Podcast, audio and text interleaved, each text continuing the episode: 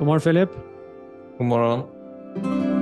Nå skal vi eh, i en episode vende tilbake til stoisismen.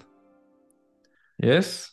Det Vi er har en begge lest eh, serie på vår ja. eh, kanal. Ja. Og vi har Altså, jeg kom borti Jeg tror kanskje jeg har nevnt han i en episode tidligere. En uh, amerikansk jagerflypilot som het James Stockdale. Han døde i 2005. Men som ble Han ble skutt ned over Vietnam i 1965. Og måtte skyte seg ut av cockpit og landet nede i jungelen i Vietnam og ble tatt av fienden og var i fangenskap i syv år. Fire år av dem i isolat. Og det var også mye tortur under disse årene. Og han Mm. brukte altså stoisk tankegang for å ikke bare å overleve, men for å altså for å håndtere disse opplevelsene. Og, og kom jo etter, med hans egne ord, Altså 'come out a better man'.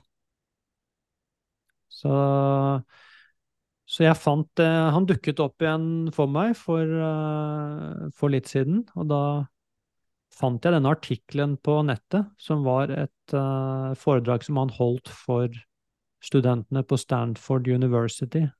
Uh, da var han jo blitt en eldre mann, men det var utrolig Hvor han forteller om sine opplevelser, og hvordan han brukte dem. og han forteller litt om stoisk filosofi, og så fikk jeg deg til å lese artikkelen. Så vi har nå lest uh, bare var det noen og tjue sider. Mm.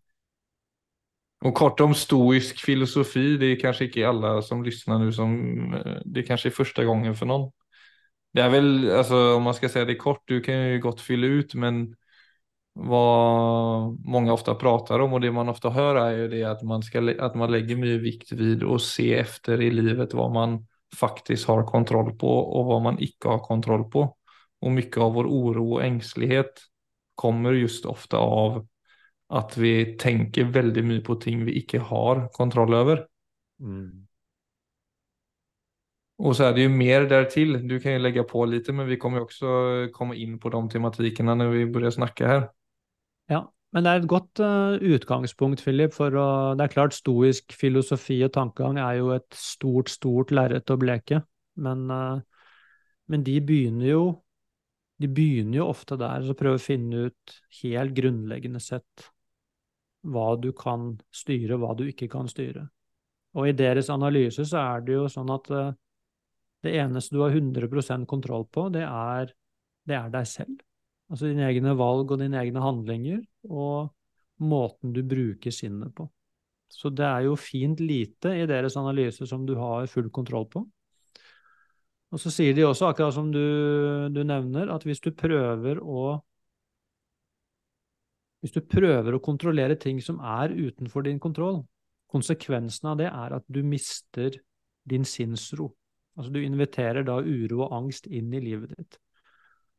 Og, så det er en ganske interessant refleksjon å, å, ta for seg selv og se. For jeg tror alle vil finne ut at de peker på noe veldig viktig her, og noe som faktisk er sant. Noe du kan sjekke selv og si ja, det stemmer jammen i meg.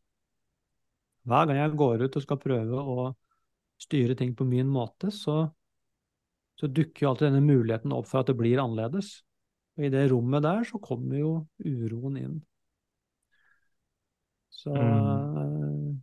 Men jeg kan kanskje si kort fortalt at stoisismen er, altså det er, jo, det er en praktisk filosofi som dypest sett handler om det gode liv.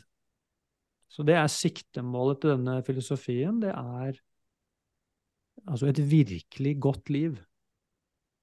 Det er det de sier om denne tanken. Hvis du holder deg til denne tank tankegangen, så vil, altså så vil du så vil du få et godt liv, faktisk. Så det er Den kan, den kan virke litt hard innimellom, og virke litt hard og tørr. Men jeg tenker jo nettopp denne historien til James Stockdale, den viser jo den viser jo at uh, hvis du bruker denne tankegangen på ordentlig, så, så er det ikke hardhet og tørrhet som blir resultatet, det er helt andre ting.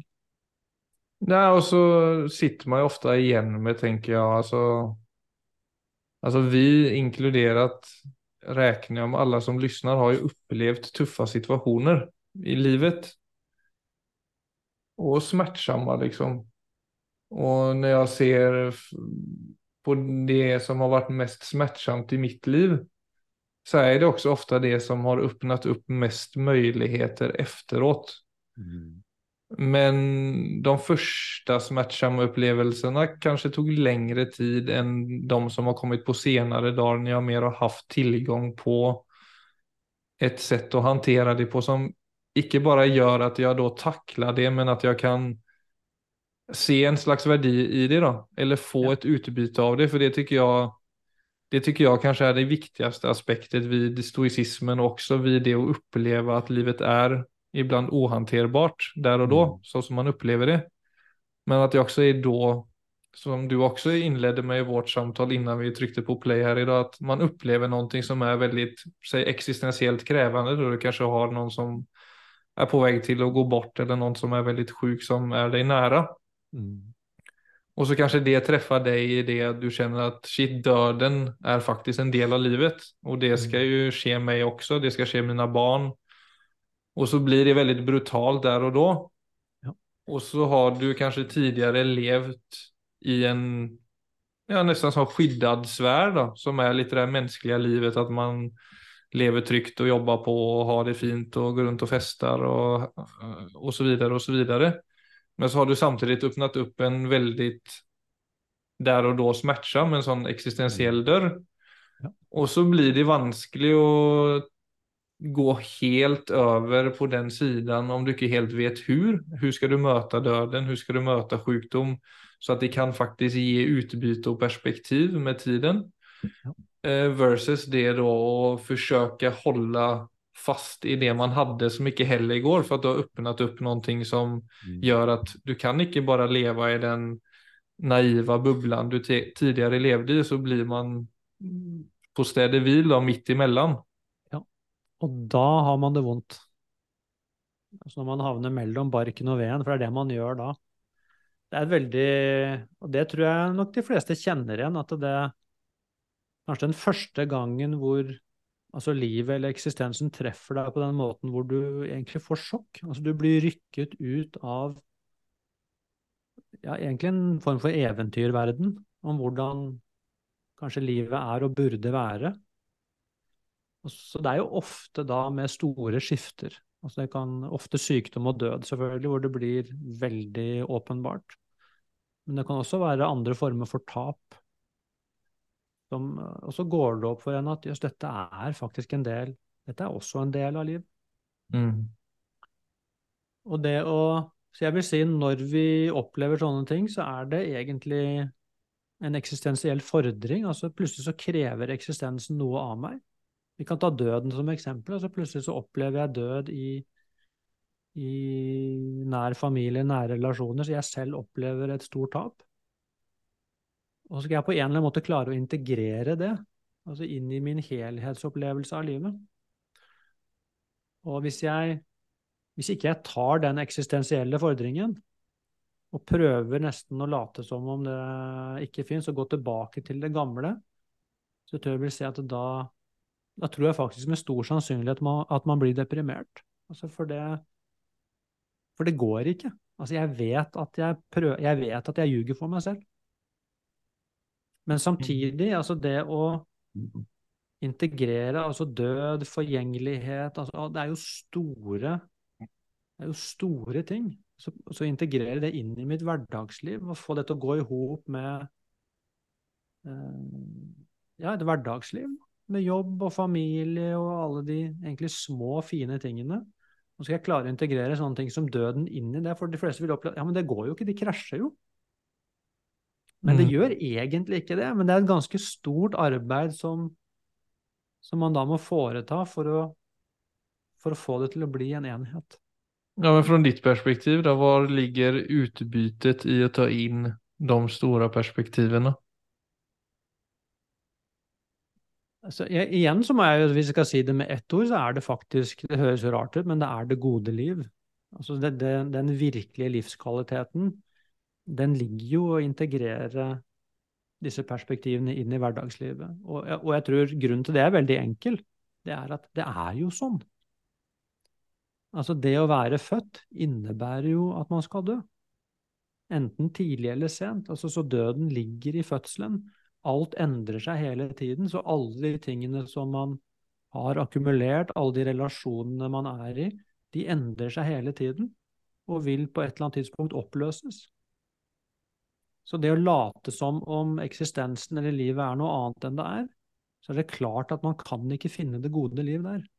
Man kan finne det i korte stunder, men det vil alltid gå i stykker. Ja, for, for mange kan jo det bare være veldig brutalt når du samtidig snakker om det på den måten At det det, For man er ikke van til det. Det er precis som om vi har vår kropp till låns, våra relationer till låns, mm. vårt jobb till låns. Hela vårt, som han nämner i den artikeln också då, hela vårt rykte, vårt yttre rykte och den vi liksom föreställer oss vara i den yttre världen, vår självbild. Mm. Den är förgänglig, den är hela tiden i en process av ändring. Ja. Och så ligger nästan hela vår identitet där. Och det är där stoicismen är spännande syns jag. Och det är också många som missuppfattar den i det anseendet för att man tror att det, man snackar om om det från ett yttre perspektiv, men så handlar det bara om en slags inre inre, ett inre värdisätt, en inre moral. Vi har vår vilja, vad gör vi med den? Men det är det när du nämner det goda liv då och så tar man in det aspektet som många bara syns är det som kanske gör livet meningslöst i mm. starten, mm. att man bara har lust att fly in i en Absolut. i en, i en uh, den där, icke, icke in i en naivitet, men den verkligheten som, där, som känns mindre farlig. Nei, jeg, jeg skjønner, og det, og det, er kanskje det største Kanskje problemet med denne type perspektiver i dag, det er at vi er, vi er så vant til uh, quick fixes. Mens det er klart, det å bli venn med eksistensen, og, og så må man jo egentlig tenke hele livsreisen. Og Det vi snakker om her, er jo egentlig det er på en måte å endre livskursen litt, for at disse tingene må integreres inn i et liv. Det tar faktisk lang, lang tid. Så, så det er klart det er, en, det er, en, stor jobb som man da egentlig må si ja til. Og det er jo der det blir igjen hvor det blir vanskelig. da. Altså hvis man, eh, Hvor det virkelig kan Det kan kjennes veldig hardt ut, men det er altså fordi man har blitt fylt av så mange ideer som, som faktisk ikke er virkelige.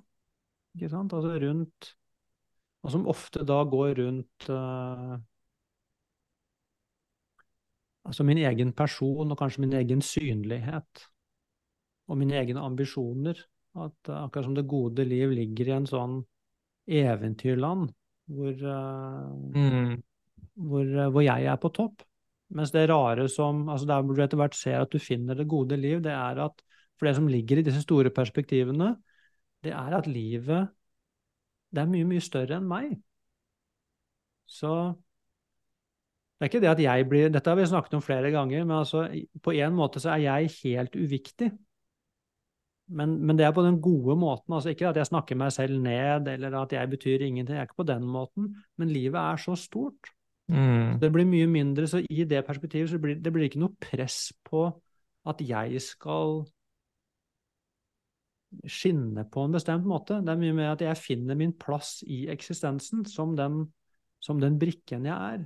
Så alt stresset rundt altså min egen person og min egen synlighet og min egen altså Sånne ting som kan bli veldig viktige da, i, et, i et begrenset perspektiv, det er eh, altså hvordan jeg har lykkes i forhold til ja, Det kan være til og med sånne ting som Eh, altså kroppen min og kroppsfasongen min og Dagens outfit. jeg har, hvor mye penger jeg har, og ikke sant, om jeg har uh, den og den partneren som er bra nok. altså Alle disse tingene som jo for noen kan være helt altomfattende. Men det er klart, det blir også et veldig trangt liv. Mens det å se det at det er ikke de tingene som spiller en rolle. Det er helt andre ting som spiller en rolle. Og der ligger det en så akkurat som den derre innerste knuten i hjertet.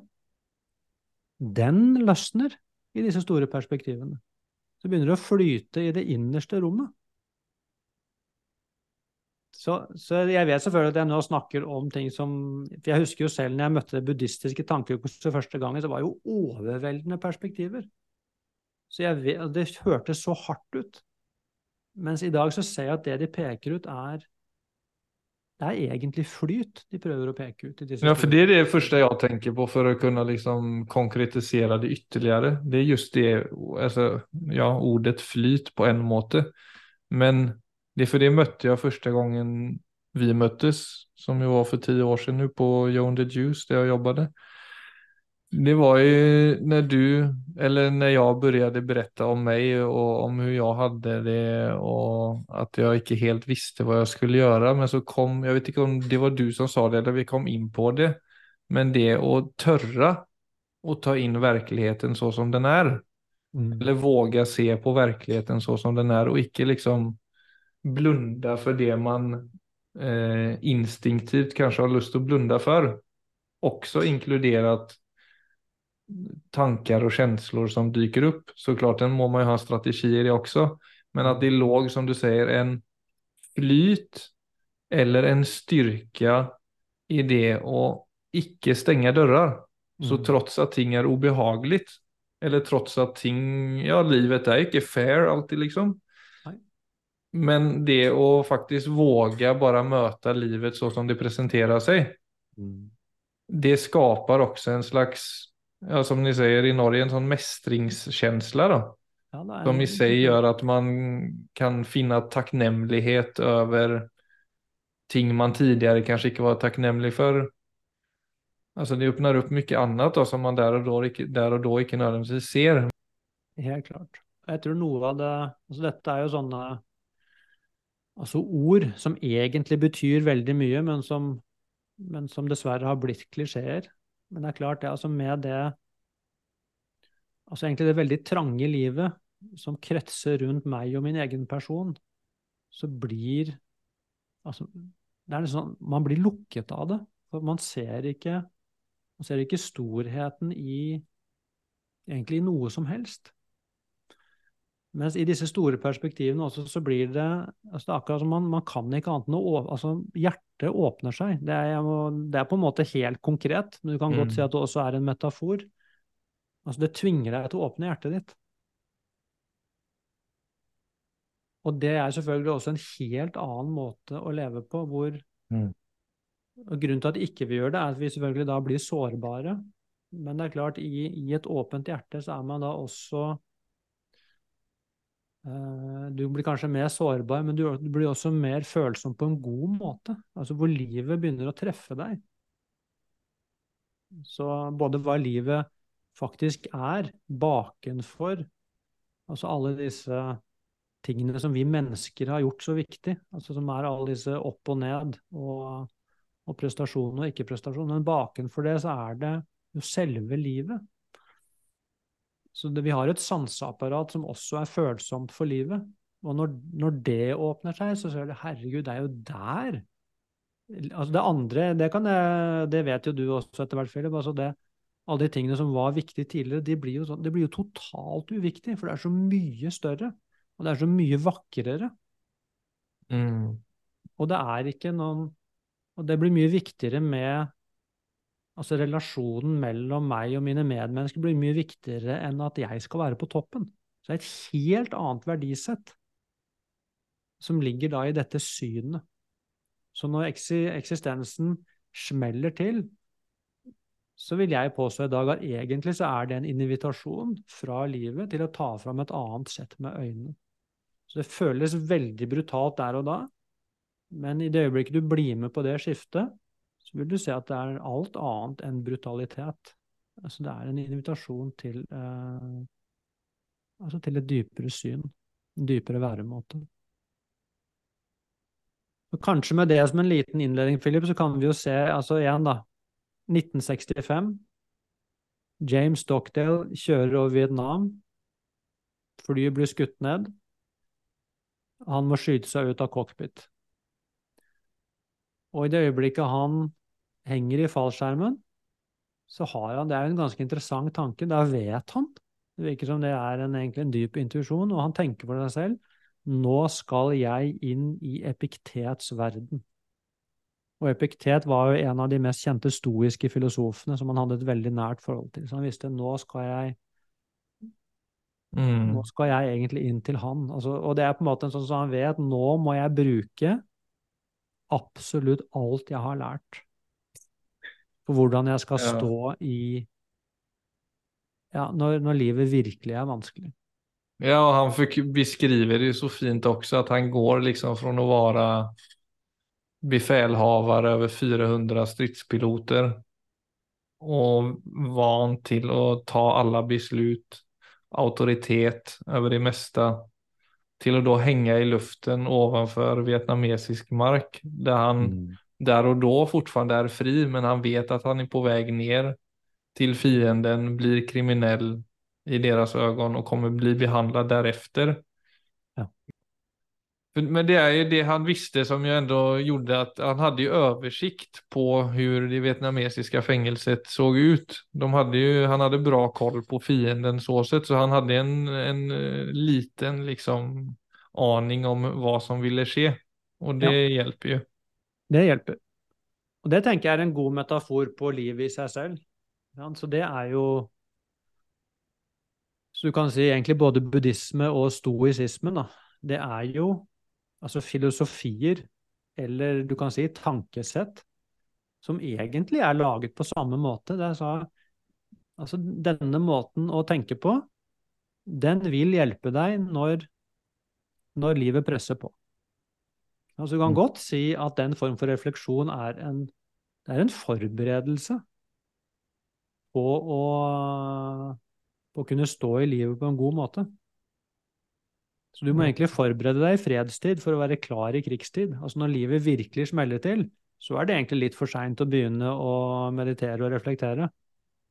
Det er Mm. veldig smart å ha gjort det på forhånd, sånn at når det smeller til, så er du rede.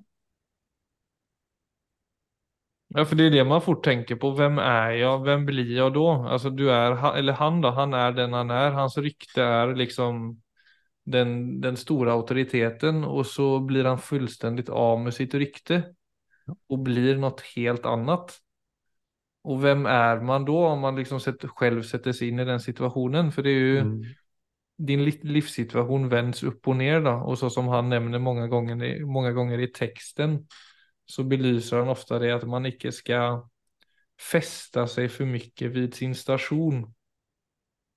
Ja, ikke- altså sta station på engelsk, da, som da er altså ditt uh, Hva skal vi si Hva er altså your station? Altså den Altså ditt, ditt rykte, eller din Altså din jobb, altså din hele det uh, De ytre livsrammene dine, da.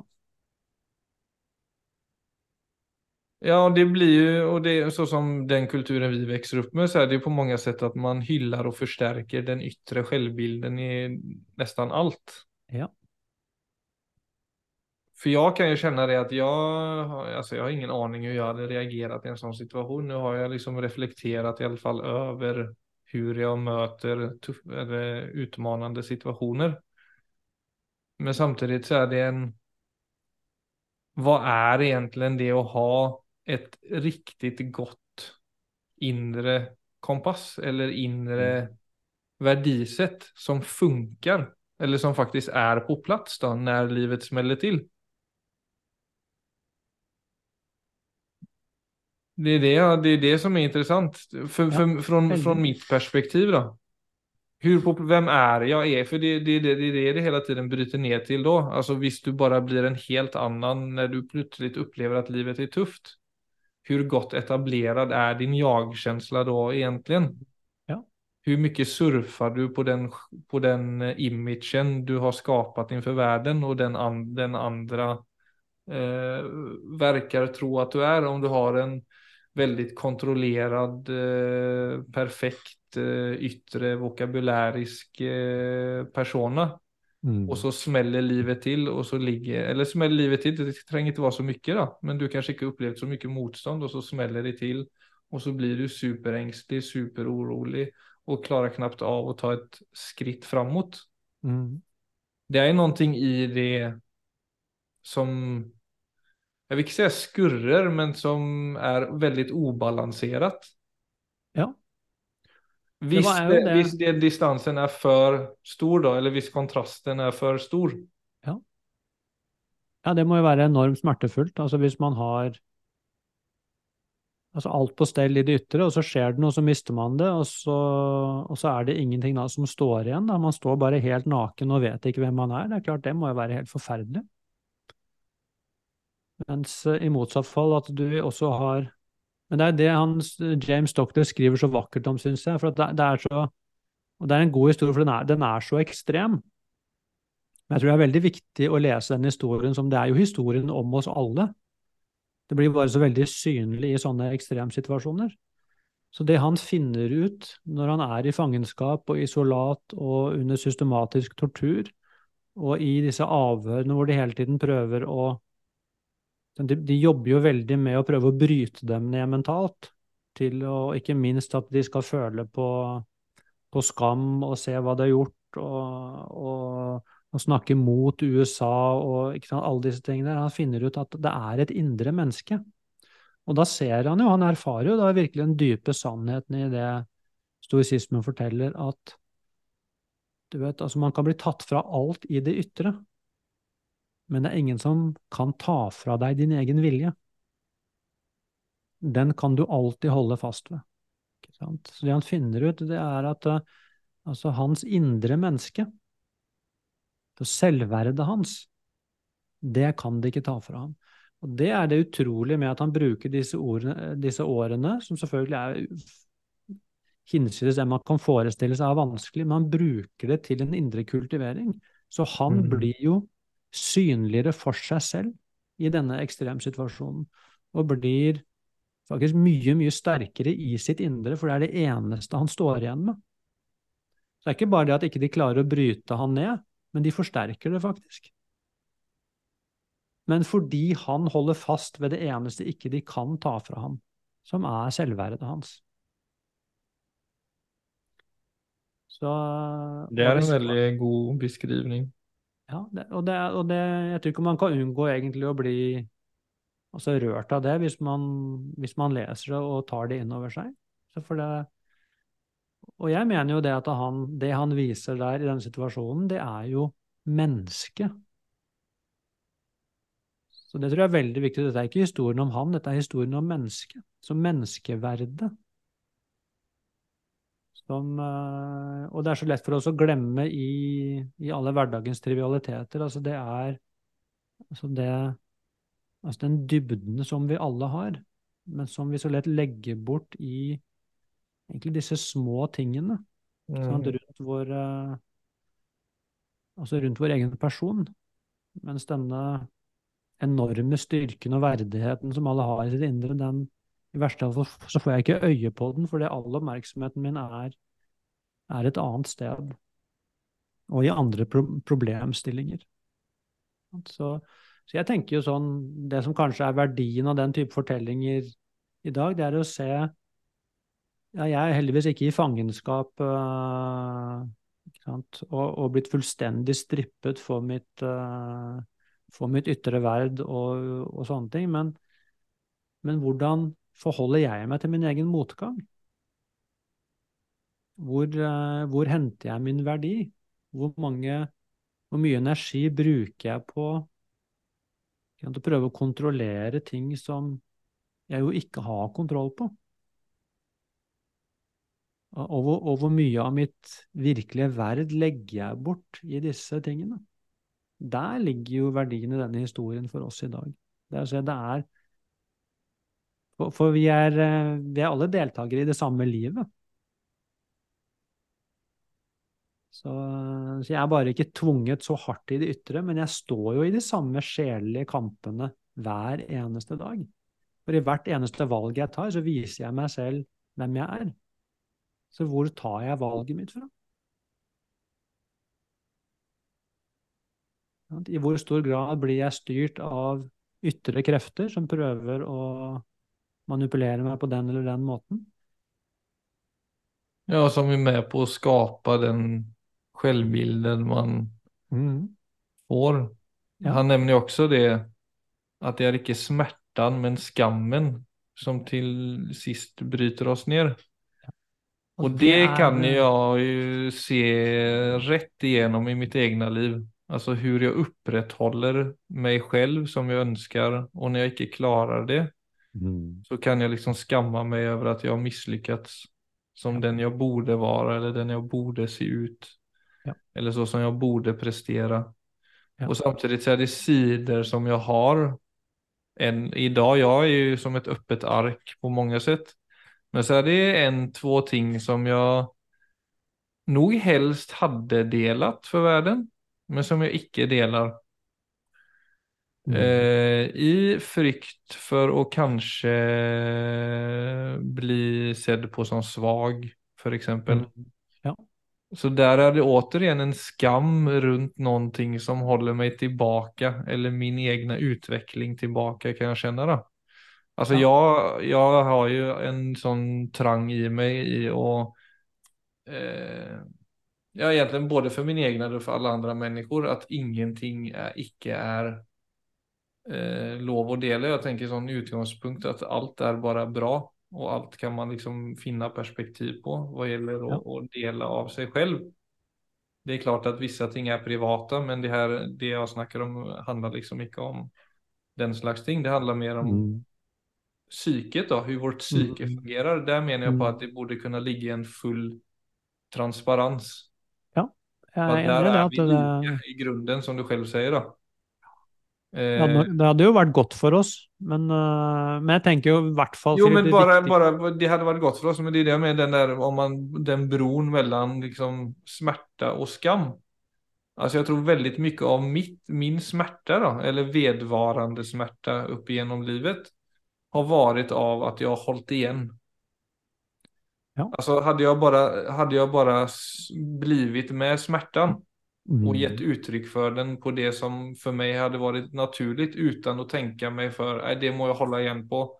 Eller det känner jag att jag inte kan dela. Eller det må jag liksom också för mig själv då, att man liksom då skapar en sån inre moral som inte nödvändigtvis bare bara är positiv. Ja. Så det, det, det är där den skammen då håller, eh, håller en nere. Ja, jeg tenker derfor så er det utrolig Det er et viktig tema, altså, men det er klart, der er vi også litt sånn at the mercy av den tiden vi lever i. For det er klart det er veldig Det er klart Hvis alle hadde vært helt transparente, så ville det vært veldig godt for alle. For det ville, det ville ikke vært noe ville ikke vært noe skam forbundet med det. Det ville bare vært at sånn er den menneskelige syke, så vi ville jo da sett at den er jo veldig skjør. Så vi ville ikke hatt noe problemer med med hvor skjør den var. Så vi, det, det ville vært nydelig for oss.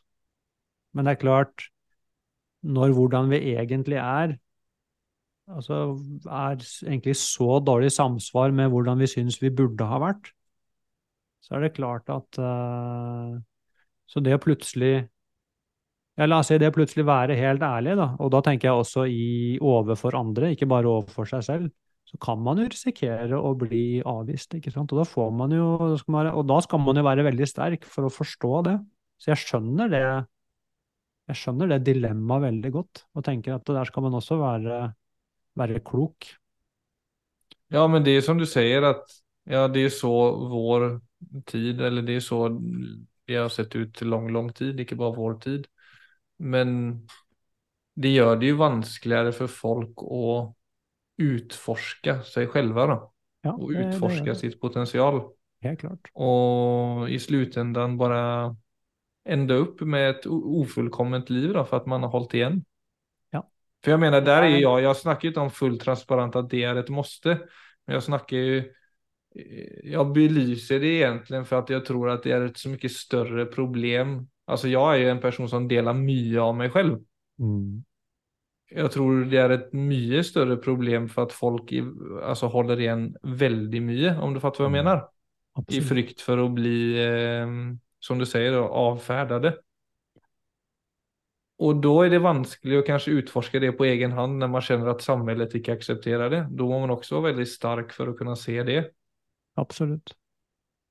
Hvis du går inn eh, sant, mens hakket Men så er det også da den Altså den skammen som bare er mellom meg og meg, ikke sant, som er Og den eh, Så du kan si så for det indre mennesket, så er det jo da først og fremst ærligheten overfor meg selv som er uh, den aller viktigste.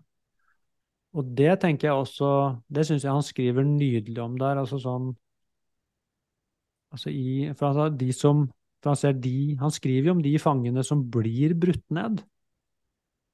Og når de kommer tilbake da til sine medfanger, ikke sant, så er de så skamfulle, og de sier sånn Og de sier til egentlig de andre altså ikke snakk med meg, for altså jeg er jeg er ikke verdt noe. Altså de mister Mm. og Det han snakker om der, det er jo igjen da denne eh, Og som man da også opplever altså, Og det kan de ikke ta fra deg hvis du er helt klar overfor deg selv. Altså den At du holder det indre mennesket høyt. Så han ser jo det at eh, Så den verste smerten vi mennesker opplever, det er når vi svikter oss selv. Altså det er den skammen når vi svikter oss selv, som ikke er til å bære.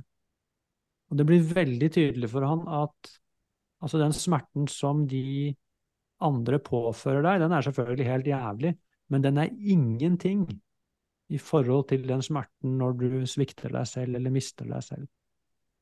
Og det ser du også er den røde tråden i det stoiske forfatterskapet, for det er det de også påstår, og det er der han oppdager hvor sant det er. Mm. Så det er jo Men det er klart det er uh... Ja, jeg må jo si, heldigvis, at det er mulig å finne ut av de tingene uten å bli torturert. Det, det er the good news her. Det er fullt mulig å ta inn over seg den type erkjennelser i et helt vanlig hverdagsliv i Norge, hvor man har i det ytre altså et veldig godt liv. Så disse indre refleksjonene, de, de kan man komme til altså uten å måtte være i ekstreme ytre forhold. Det holder egentlig med hverdagssmerten vår, altså den smerten som vi alle vil oppleve i hverdagslivene våre, fordi vi krasjer jo med livet hele tiden. Vi krasjer med andre mennesker. Bare ikke så brutalt egentlig som i en, en krigssituasjon, men det er de samme prinsippene. Ja, du kjenner noe på det når du svikter deg selv og ikke. Det er akkurat. Den, er gans, den tror jeg er ganske tydelig. Om man, har, om man bare, om man bare liksom har lyst, det kjekt man har lyst, for det kan jo være starten på en lang reise, men en fordelaktig reise. Da. Men at jeg tror alle med ærlighet klarer av å kjenne efter og se det. Men der tenker jeg det med med mindfulness og meditasjon, at det er jo en veldig gunstig måte å hva skal man si, finstemme seg selv på. Altså jeg tenker den her livsstilen som man kan fort ha, overarbeidet, litt overviktig, spiser litt mye, trener litt lite. Altså det å ha Altså det gjør jo ikke at kroppen fra mitt perspektiv, og også når jeg ser meg rundt omkring, da, at du, man blir litt grövre stämt då. Det er litt vanskeligere å ta goa val og se klart og tydelig hva jeg skal gjøre. Og där er jo liksom, Det er derfor man aldri liksom kan snakke nog om det såklart med mat og trening og livsstil, mm. men også litt mer mentale øvelser. Det å finstämma sitt instrument gjør det lättare å egentlig då ta de valen och känna en slags styrka i det också. För när man väl är helt finstämt så må man ju ut på scenen och träffa de första noterna. Absolut. Ja, och det är ju ibland att liksom säga hej då till några relationer kanske, för exempel. Och välja ett annat jobb framför det jag hade eller gå från en kärsta om det nu är väldigt destruktivt. Men der, der, har jeg i alle fall merket for min del at det å etablere, om ikke en veldig bra livsstil, men en noenlunde bra livsstil, da, for å kunne finne styrke i å ta de valgene som er nødvendige for å ikke just svikte seg selv på den ytre scenen. Ja. ja, for det er klart, altså denne kroppen og dette sinnet, det er jo det instrumentet vi faktisk har. Og, det, og hvis det instrumentet er altså hele tiden blir nummet, så blir det jo et mye mindre presist instrument. Altså det blir mye vanskeligere for meg å høre min egen stemme, altså min egen autentiske stemme. Så det er jo og det er dessverre litt med sånn med mindfulness. ikke sant? Så blir det sånn, det er mange som sier nei, det funker ikke for meg, for de tror det at du skal sette seg ned og så plutselig få ro og en god følelse. Mens, mens det det egentlig gjør, er at du sitter ned og stemmer instrumentet ditt. Så det kan jo godt hende det at det første som kommer, er en vanvittig ubehagelig følelse, for du begynner å Mm. Det som blir synlig for deg, og det, det som man da må tåle når man begynner å roe ned systemet, det er jo alle de tingene jeg selv driver med som som ikke er bra for meg, for, det, for de tingene vil begynne å snakke høyere til deg. Så, så, man burde helst se den type trening, man må se det litt dypere. Altså for at det, det som egentlig gjør, er at du, du finstemmer systemet ditt sånn at eh, Og i verste fall, da, eller det er ikke i verste fall, for det er jo en fin ting, men altså sånn at din egen indre konflikt den blir faktisk synligere for deg. Og det er selvfølgelig ubehagelig. Men ved å ta det på alvor, så er det jo da så den virkelige sjelelige roen, den ligger jo bakenfor altså alle mine egentlig indre konflikter, dvs. Si alle de tingene jeg selv gjør som jeg som egentlig ikke som jeg egentlig ikke står inne for. Mm. Så det krever, så på en måte så krever jo meditasjon egentlig at jeg Altså det er en, en, en, ansvarliggjøring av meg selv, egentlig, som ligger i den formen for praksis. Ikke igjen en sånn quick fix til en god tilstand. Ikke sant? Det er jo bare tull, altså. Det er mye mer alvorlig enn som så. Tilbake til alvoret. Vi kommer oss ikke unna alvoret med Viggo Johansen. Nei, vi gjør ikke det, for det, og det er klart, det er jo også sånn, men den virkelige gleden ligger med å ta seg selv og livet på alvor. Det er der, altså der ligger, så det er jo ikke alvor-alvor, det er en alvorsglede. Det er en mm. enorm glede. Mm. Men den er ikke Den kommer ikke Får ikke bestilt den på postordre. Altså, den, eh, den må graves frem.